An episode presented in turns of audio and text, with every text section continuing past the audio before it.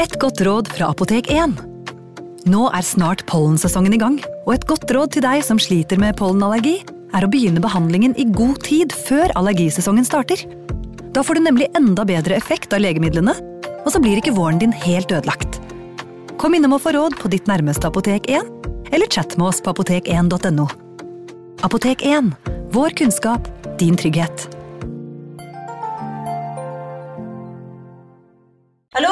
Jeg kommer fra Oslo politikammer.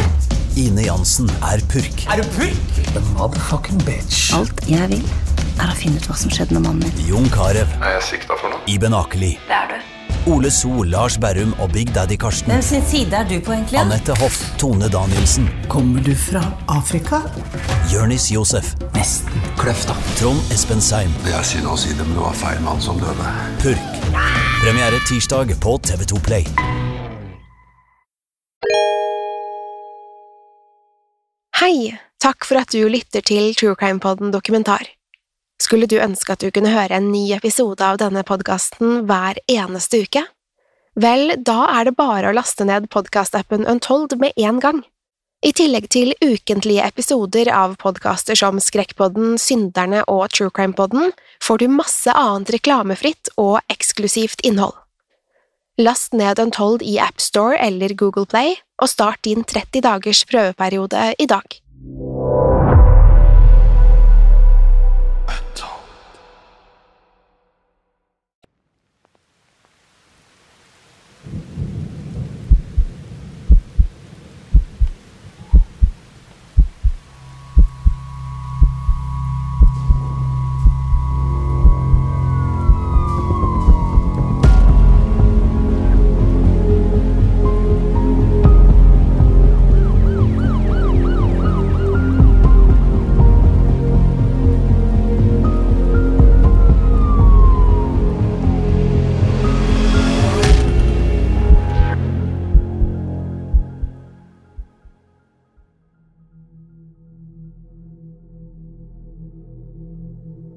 oppkjørselen utenfor den lille leiligheten sto politibetjenter med pistolene rettet mot bygget. Det hadde blitt et stille øyeblikk, noe som enten kunne bety at menneskene der inne hadde gitt opp, eller at noe var i vente. Betjentene kikket bort på kollegene som lå spredt i oppkjørselen i dammer av sitt eget blod, og turte ikke satse på at det hele var over. De kunne fremdeles høre bevegelse og stemmer fra et sted inne i leiligheten, så her kunne alt skje. Kun noen sekunder tidligere hadde en kvinne kommet springende ut gjennom den i stykkerskutte garasjedøren med armene i været. Selv da betjentene hadde bedt henne stanse, hadde hun bare fortsatt over gårdsplassen. Nå kunne de høre henne skrike et sted langt nede i veien. Ventingen var nesten uutholdelig, idet det føltes som en eksplosjon skulle gå av når som helst. Minuttene gikk, men ingenting skjedde. Forsiktig begynte den ene betjenten å krype frem fra bak politibilen, fremdeles med revolveren hevet. Den andre stirret på ham i vantro og hvisket at han skulle komme tilbake, men han var allerede på vei mot garasjeporten. Plutselig kunne de høre dype, rallende lyder der innefra, og betjenten stanset et øyeblikk. Så, som ut av ingenting, braste en stor Ford V8 gjennom det lille som var igjen av garasjeportene. Betjenten var nødt til å kaste seg til siden for å ikke bli påkjørt, samtidig som han åpnet ild mot rømlingene. Den store bilen bar preg av at den var blitt truffet under skuddvekslingen, men det virket ikke som det hadde gått utover funksjonaliteten. Forden hadde kjørt gjennom garasjeporten som om den var laget av glass, og nå var den på vei rett mot politibilen. I siste øyeblikk fikk den andre betjenten kastet seg bak et tre, mens Forden dyttet politibilen ut av oppkjørselen. Samtidig ble salve etter salve fra en halvautomatisk rifle avfyrt fra passasjersiden. Betjentene rakk bare så vidt å komme seg i dekning før kulene suste over hodene deres. Så var bilen borte, og beboerne i leiligheten var forsvunnet. Likevel hadde betjentene fått et glimt av skytteren på passasjersiden. De kunne sverge på at det hadde vært en ung kvinne med blondt hår og gjennomtrengende blå øyne. Etter å ha sluppet ut av fengsel og endelig fått tilbake Bonnie Parker, sverget Clyde Barrow på at han aldri mer skulle la seg bli hanket inn. Han hadde opplevd den virkelige grusomheten bak murene, med både fysisk og psykisk tortur. Nå var han klar på at han heller ville dø en langsom og smertefull død enn å oppleve det igjen. Bonnie skulle snart forstå hvor Clyde kom fra. Han fortalte henne alt om tiden i fengsel, om hvordan han var blitt seksuelt misbrukt og utsatt for hardt tvangsarbeid. Da hun selv fikk oppleve fengselslivet i et par måneder, sa hun seg enig. Nå var hun villig til å følge ham hvor som helst, selv i døden. Sammen med flere andre tidligere innsatte etablerte de det som snart skulle få navnet Barrow-gjengen, og reiste over hele Midtvesten for å rane og begå innbrudd. De skulle leve akkurat som de selv ville, og bryte ut av den knusende fattigdommen de alle hadde vokst opp i. Slik de så det, fantes det ingen annen måte å klatre på den økonomiske rangstigen. Clydes frykt for å havne i fengsel igjen skulle etter hvert gjøre ham til en ekstremt farlig mann. Når enn han ble konfrontert av politiet eller forsøkt hindret i et ran eller innbrudd, var ikke hans naturlige reaksjon å flykte. På rent instinkt valgte han i stedet alltid å trekke pistolen. Dette instinktet skulle føre til en rekke drap mellom april 1932 og januar 1933. Det skulle ikke ta lang tid før Barrow-gjengen var blitt beryktet over hele Texas og de sørlige delene av Midtvesten. Innbrudd og ran som ble begått i området, ble ofte kreditert til gjengen, selv når de ikke hadde vært i nærheten av åstedet. Det kunne nesten virke som folk ville at det skulle være den karismatiske raneren og hans vakre medsammensvorne som sto bak lovbruddene. Denne plutselige berømmelsen plaget slett ikke Bonnie og Clyde. De samlet på avisutklipp om sakene og oppbevarte dem i små album, som de hadde med seg overalt. For første gang i deres unge liv føltes det som folk la merke til dem. Avisutklippene ga dem omtrent en slags mytisk status, og de elsket det. Selv om det kriminelle paret nærmest ble hyllet i lokalavisene, var de fremdeles rømlinger, og politiet i hele Midtvesten var ute etter dem. Det betydde at de tilbrakte mesteparten av tiden på de åpne landeveiene. Livet på rømmen var langt mindre luksuriøst enn avisene fikk det til å fremstå. Gjengen var som regel nødt til å sove i bilen, og måtte tigge om mat fra gårdene de passerte. I tillegg konsumerte de store mengder hjemmebrent, kun for å døyve den intense frykten for å bli tatt. Til tross for den nomadiske og rufsete livsstilen følte de seg friere enn noen gang. Over de neste par månedene bevegde de seg fritt mellom Texas, Oklahoma og Missouri og levde livet på sine egne premisser. Det var helt til mars 1933, da Clyde fikk en gledelig beskjed hjemmefra. Etter det mislykkede husranet i 1929 hadde Clydes bror Buck sittet i fengsel i Huntsville, men nå var han endelig blitt løslatt. Clyde hadde sluppet unna politiet den kvelden og hadde alltid følt på en slags skam over å ha forlatt broren sin. Nå måtte han tilbake til Dallas for å ta imot Buck. 22. mars 1933 var den store dagen, og Clyde og Bonnie ventet på ham hjemme hos foreldrene. Gjensynsgleden var stor, ikke kun for Clyde, men også for Bucks kone Blanche, som også hadde ventet på ham alle disse årene. De tilbrakte ikke mange dagene i Dallas før Clyde foreslo at Buck og Blanche skulle bli med på en liten ferie. Han sa de hadde fortjent det nå, etter så mange år fra hverandre. Clyde tok dem derfor med seg til byen Joplin i Missouri, hvor Barrow-gjengen hadde et midlertidig tilfluktssted. På veien hadde Buck på Blanches oppfordring forsøkt å overtale Clyde om å overgi seg til myndighetene, Blanche visste om brødrenes kriminelle bakgrunn og ville at de skulle starte på nytt. Selv hadde hun ingen interesse av å leve et liv på rømmen, og hun trodde hun hadde klart å overbevise Buck om å leve et lovlydig liv. Buck følte seg delvis skyldig i at broren hadde blitt som han var blitt. Derfor gjorde han alt han kunne for å hjelpe Clyde.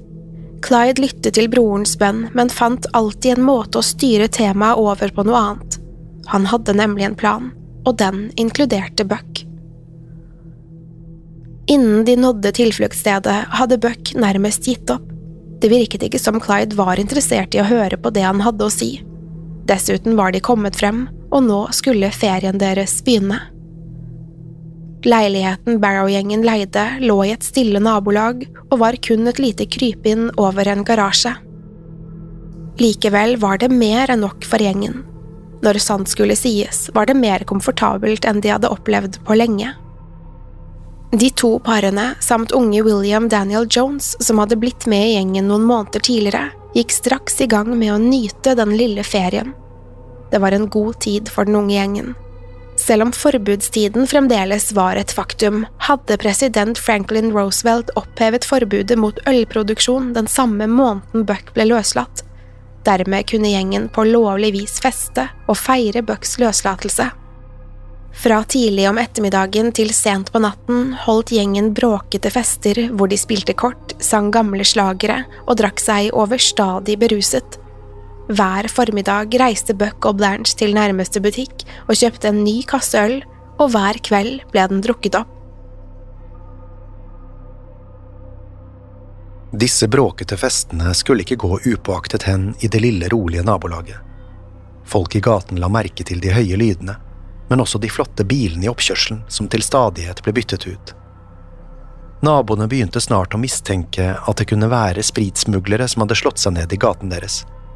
Joplin var nemlig kjent for å huse en rekke ulovlige hjemmedestillerier under forbudstiden, så det var ikke utenkelig. Likevel var det ingen som visste helt sikkert hva som foregikk i leiligheten. Ingen hadde nemlig turt å undersøke det, fordi flere påsto at de hadde hørt et rifleskudd gå av derfra. Der hadde de helt rett. En dag hadde Clyde polert sitt favorittvåpen, en Browning Automatic Rifle, da den plutselig hadde gått av ved et uhell. Ingen hadde blitt skadet, men nå hadde de fått nabolagets oppmerksomhet. I stedet for å undersøke leiligheten selv, hadde flere av naboene kontaktet politiet og sagt at de mistenkte at noe ulovlig foregikk der inne. De fortalte om skuddet de hadde hørt, om alt bråket og de mystiske bilene utenfor leiligheten. Politiet mistenkte straks at det kunne være snakk om spritsmuglere, og møtte opp utenfor leiligheten den 13. april 1933. Betjentene var relativt sikre på hva som ventet dem. De hadde arrestert en rekke smuglere og ulovlige produsenter tidligere, og vanligvis var det en enkel oppgave. Smuglerne var sjelden godt bevæpnet eller farlige, så de fem betjentene som møtte opp utenfor leiligheten, hadde kun tjenesterevolverne sine med seg. De ante ikke at de i virkeligheten var i ferd med å møte den beryktede Barrow-gjengen i levende live.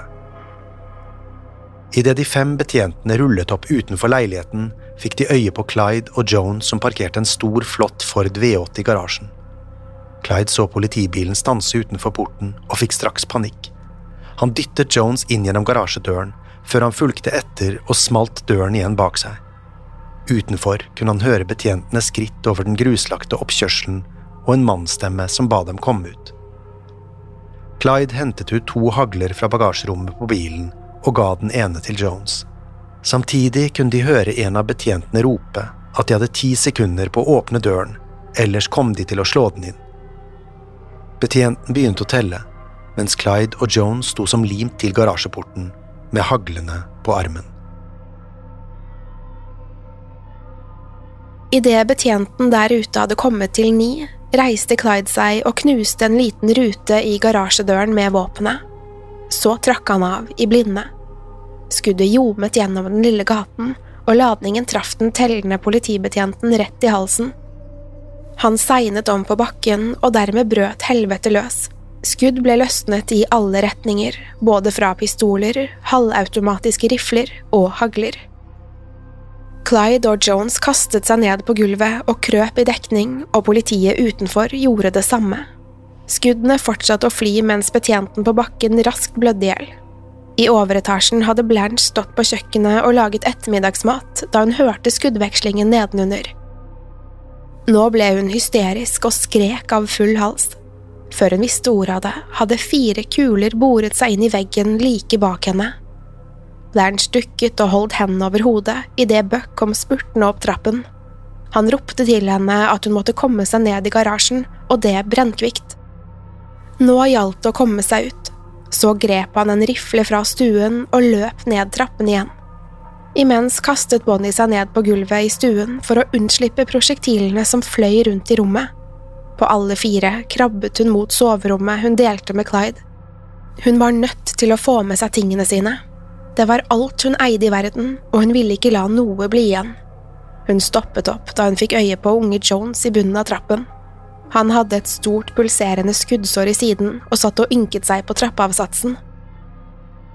Bonnie forsto at det var nytteløst. Om de skulle komme seg ut derfra i live, var de nødt til å reise umiddelbart. Med hjelp fra Blanche fikk Bonnie Jones på bena og ledet han ut i garasjen og inn i bilen. I det samme øyeblikket Jones var plassert i baksetet på bilen, fikk Blanche se den lille hunden sin Snowball. Den var blitt skremt opp av de høye lydene og nå var den kommet seg ut i den i stykker skutte garasjedøren. I panikk satte Blanche etter hunden ut døren, mellom kuler og prosjektiler, og forsvant nedover veien. Bonnie forsøkte å rope etter henne, men det var for sent. Blanche og hunden var allerede langt av sted. Plutselig kom Clyde og Buck løpende inn i garasjen fra trappen og beordret Bonnie til å sette seg inn i passasjersetet. Imens hoppet Buck inn bak og holdt tak i Jones. Clyde kastet en ladd rifle til Bonnie og ba henne skyte for å drepe. Så satte han seg bak rattet og kjørte tvers igjennom restene av garasjeporten. Bonnie kunne se flere av betjentene ligge igjen i oppkjørselen i dammer av sitt eget blod. Likevel fortsatte hun å skyte etter dem som fremdeles sto oppreist. I stor fart klarte Clyde å dytte bort politibilen fra oppkjørselen før de spant ut på veien. Det var først da Buck innså at Blanche ikke var med i bilen. Han ropte til Bonnie og Clyde og ba dem snu, men da bare pekte Clyde på noe lenger nede i veien. Der, langs fortauet, sprang Blanche alt hun kunne for å ta igjen den lille hunden. Buck trengte kun å gi Clyde et blikk for at lillebroren skulle forstå hva han skulle gjøre. Clyde senket farten akkurat nok til at Buck kunne åpne døren og strekke seg etter sin hysteriske kone. I én rask bevegelse hadde han grepet tak om livet hennes og dratt henne med seg inn i bilen. Så snart Blanche var inne, lukket han døren, og Clyde trampet igjen på gasspedalen. Så forsvant de ned landeveien og ble borte i en sky av støv. Tilbake på åstedet var to av betjentene blitt skutt i hjel, og flere var alvorlig skadet. Etter at de hadde rapportert inn hendelsen, kom det flere betjenter og etterforskere til for å hjelpe. Det var først da de innså hvem de hadde stått overfor i den brutale skuddvekslingen. Da leiligheten ble gjennomsøkt, fant de nemlig alle gjengens eiendeler som de ikke hadde rukket å få med seg i flukten.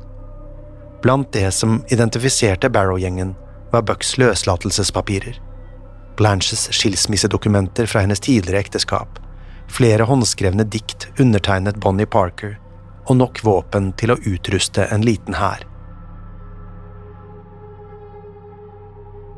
Det var likevel et funn som skulle vekke større oppsikt enn noe annet på åstedet. Inne på soverommet til Bonnie og Clyde ble det nemlig funnet et kamera og flere filmruller med ufremkalte bilder. Da disse ble fremkalt, fikk politiet og etterforskerne se noe de aldri hadde vært borti tidligere. De fleste bildene viste gjengen i dagligdagse situasjoner. De festet og lo sammen, eller sto arm i arm i stuen. Likevel var det noen få som var helt unike. Det var flere bilder av gjengmedlemmene som poserte foran stjålne biler, omringet av arsenalet deres. Blant dem var det bilder av både Clyde, Buck og Jones, som alle sto i truende, men samtidig sjarmerende positurer. Det var likevel bildene av Bonnie som skulle gjøre størst inntrykk på etterforskerne. På et av dem sto hun med en hagle rettet mot mageregionen til Clyde. De vekslet lure blikk mens hun strakte seg etter en revolver i Clydes belte. På et annet bilde sto Bonnie alene foran en av de stjålne bilene, og det var dette som senere skulle gå sin seiersgang i aviser landet over. Bildet viste Bonnie med én fot på støtfangeren til bilen, i en forventningsfull og nærmest seksuell positur, i alle fall for tidsalderen. Hun hadde den ene albuen lent mot bilens frontlykt og sto med en revolver i den høyre hånden. I munnviken hvilte en rykende sigar, og hun hadde et tøft og fryktløst ansiktsuttrykk. Til tross for den ellers så maskuline fremtoningen, hadde hun en vakker, mørk kjole på seg og hadde pyntet sveisen slik kvinner gjorde det på den tiden. Bonnie så ut til å være helt unik sammenlignet med andre unge kvinner på 30-tallet, og det skulle snart bli lagt merke til. Politiet valgte å sende bildene til pressen, i håp om at det ville gjøre folk mer observante i jakten på Barrow-gjengen. Likevel gikk det ikke akkurat slik politiet hadde sett for seg. Fotografiene spredte seg som ild i tørt gress, og var snart å finne på forsider over hele Amerika. Spesielt var det bildene av Bonnie som skulle bli ekstremt populære. Få hadde sett en vakker ung kvinne med en slik utstråling, holdning og selvsikkerhet før, og nå fikk de ikke nok av henne. Glorifiseringen av yrkeskriminelle under den store depresjonen var allerede et faktum. Bankranere og gjengledere som John Dillinger og Pretty Boy Floyd var nylig blitt svært populære og spennende samtaleemner. Dette handlet først og fremst om at de ble sett som representanter fra folket, som levde av å stjele fra de store bankene og forretningene. Den gjennomsnittlige amerikaner hadde mistet tiltroen til bankene etter børskrakket, så det føltes som det var et snev av rettferdighet bak det. I tillegg synes folket det var spennende å lese og høre om de lovløse rebellene. De levde livet på sine egne premisser, noe andre bare kunne drømme om. Bonnie og Clyde var ikke noe unntak. Om noe var de plutselig blitt mer populære enn alle sine forgjengere til sammen. Folk ble enda mer interessert i paret, nettopp fordi de arbeidet sammen. Dette var ikke kun en kriminalhistorie. Dette var også en kjærlighetshistorie. Mens Barrow-gjengen spant av gårde fra tilfluktsstedet i Joplin, hadde de ingen anelse om hvor store kjendiser de var i ferd med å bli. De følte seg heller ikke som noen stjerner i det øyeblikket. De hadde bare så vidt sluppet unna med livet i behold, og nå klandret de hverandre. Blanche satt fremdeles skrikende og i panikk i baksetet, mens Buck forsøkte å roe henne ned. Hun bønnfalte ham om å ta henne med bort derfra, slik at de kunne komme seg så langt unna Bonnie og Clyde som mulig. Jones lå fremdeles i store smerter ved siden av dem, og Buck hadde sitt svare strev med å berolige både ham og Blanche. Foran satt Bonnie og ropte bakover at Blanche skulle holde munn, og at hun nesten hadde kostet dem livet ved å løpe av gårde på den måten. Clyde, som holdt et stivt øye på veien, ga gass, slik at de skulle legge mest mulig distanse mellom seg og politiet. Han sa ikke et ord, selv når Bonnie kjeftet på ham. Plutselig hadde Bonnie beordret at han skulle kjøre inntil veien, slik at hun kunne få et alvorsord med ham. Da Clyde ikke lenger orket å høre på maset hennes, svingte han bilen ut på en diger, upløyd åker og bråbremset, slik at jord og korn fløy til alle kanter. Både han og Bonnie hoppet ut av bilen på hver sin side og gikk et stykke bort fra de andre. Allerede før de hadde stoppet, hadde Bonnie skreket til Clyde og bedt ham kvitte seg med Blanche. Hun var ikke engang interessert i livet de levde så hvorfor skulle de dra henne med seg overalt og risikere at hun spolerte for dem? Clyde argumenterte med at Blanche var Bucks kone, og han kunne ikke bare kvitte seg med henne. Bonnie mente de likså godt kunne sende dem hjem begge to, men da ble Clyde svart i blikket. Buck var broren hans, og de var endelig sammen igjen. Han hadde ikke tenkt til å kvitte seg med Buck, selv ikke for Bonnies skyld. Clyde ga Bonnie et siste hardt blikk før han snudde på hælen og nærmest marsjerte tilbake til bilen. Bonnie sto igjen og så etter ham og forsto at hun hadde gått for langt. Hun var bare nødt til å innfinne seg med at hun ikke var den eneste Clyde brydde seg om. Hvis hun skulle følge Clyde, så måtte hun tåle Buck og Blanche også. Noen dager senere, da de hadde kommet seg i sikkerhet, plukket de opp nyheten om at bildene deres var blitt spredt over hele landet. Selv om både Bonnie og Clyde likte tanken på at de var blitt nasjonale kjendiser, var de nødt til å innrømme at de gjorde alt mye vanskeligere. Hele Amerika visste hvem de var og hvordan de så ut. Dermed var de nødt til å være enda mer forsiktige enn før. De kunne ikke lenger reise hvor de ville, og de måtte være nøye med hvem de møtte. Gjengen var også nødt til å passe på å ikke omtale hverandre ved navn om de en sjelden gang gikk ut i offentligheten. Det ble i tillegg mye vanskeligere å finne gode tilfluktssteder, og å vite hvem de kunne stole på. Et liv på den store landeveien krevde mat, utstyr og medisiner, og nå var de nødt til å rasjonere på en helt ny måte. Hele livet hadde Bonnie og Clyde ønsket seg berømmelse og rikdom. Nå var den drømmen i ferd med å bli deres undergang. I store deler av Amerika var politiet og myndighetene på utkikk etter dem. Veggene var i ferd med å lukke seg rundt det kriminelle superstjerneparet, og snart fantes det ingen steder å flykte.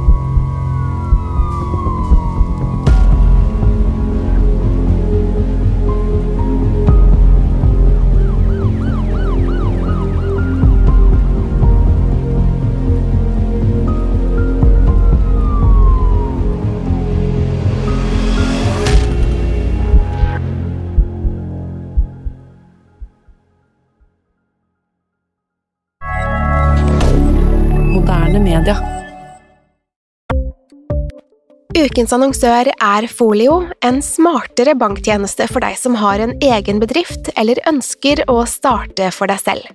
Folio er en superenkel nettbank for bedrifter. Som kunde i Folio får du en bedriftskonto med et bedriftskort og app. I denne appen er det smarte løsninger som forenkler regnskapet ditt, uansett om du har en liten bedrift eller et enkeltpersonsforetak. Folio er både intuitivt og brukervennlig, og er laget med et enkelt språk. I tillegg tilbyr de forutsigbare priser og ingen skjulte gebyrer. Skulle du likevel trenge det, så kan du snakke med deres raske og hyggelige kundeservice, og der får du prate med en faktisk person og ikke en chatbot. Folio er med andre ord både enklere og koseligere enn banken. Over 10 000 bedrifter har allerede valgt Folio som sin banktjeneste, så besøk folio.no og se hvordan Folio kan forenkle din hverdag også. Har du et enkeltpersonforetak eller en liten bedrift? Da er du sikkert lei av å høre meg snakke om hvor enkelt det er med kvitteringer og bilag i fiken, så vi eh, gir oss her, vi. Fordi vi liker enkelt. Fiken superenkelt regnskap. Kiwi er billigst i VGs matbørs og har vært billigst i fire av de fem siste VGs matbørser. Og nå presser vi prisene på frukt og grønnsaker. På 200 gram broccolini setter vi prisen til 24,90. På 400 gram Cevita blåbær setter vi prisen til 49,90. Og husk, alle Kiwi Pluss-kunder får i tillegg 15% trumfbonus på all fersk frukt og grønt. For det er vi som er prispresserne.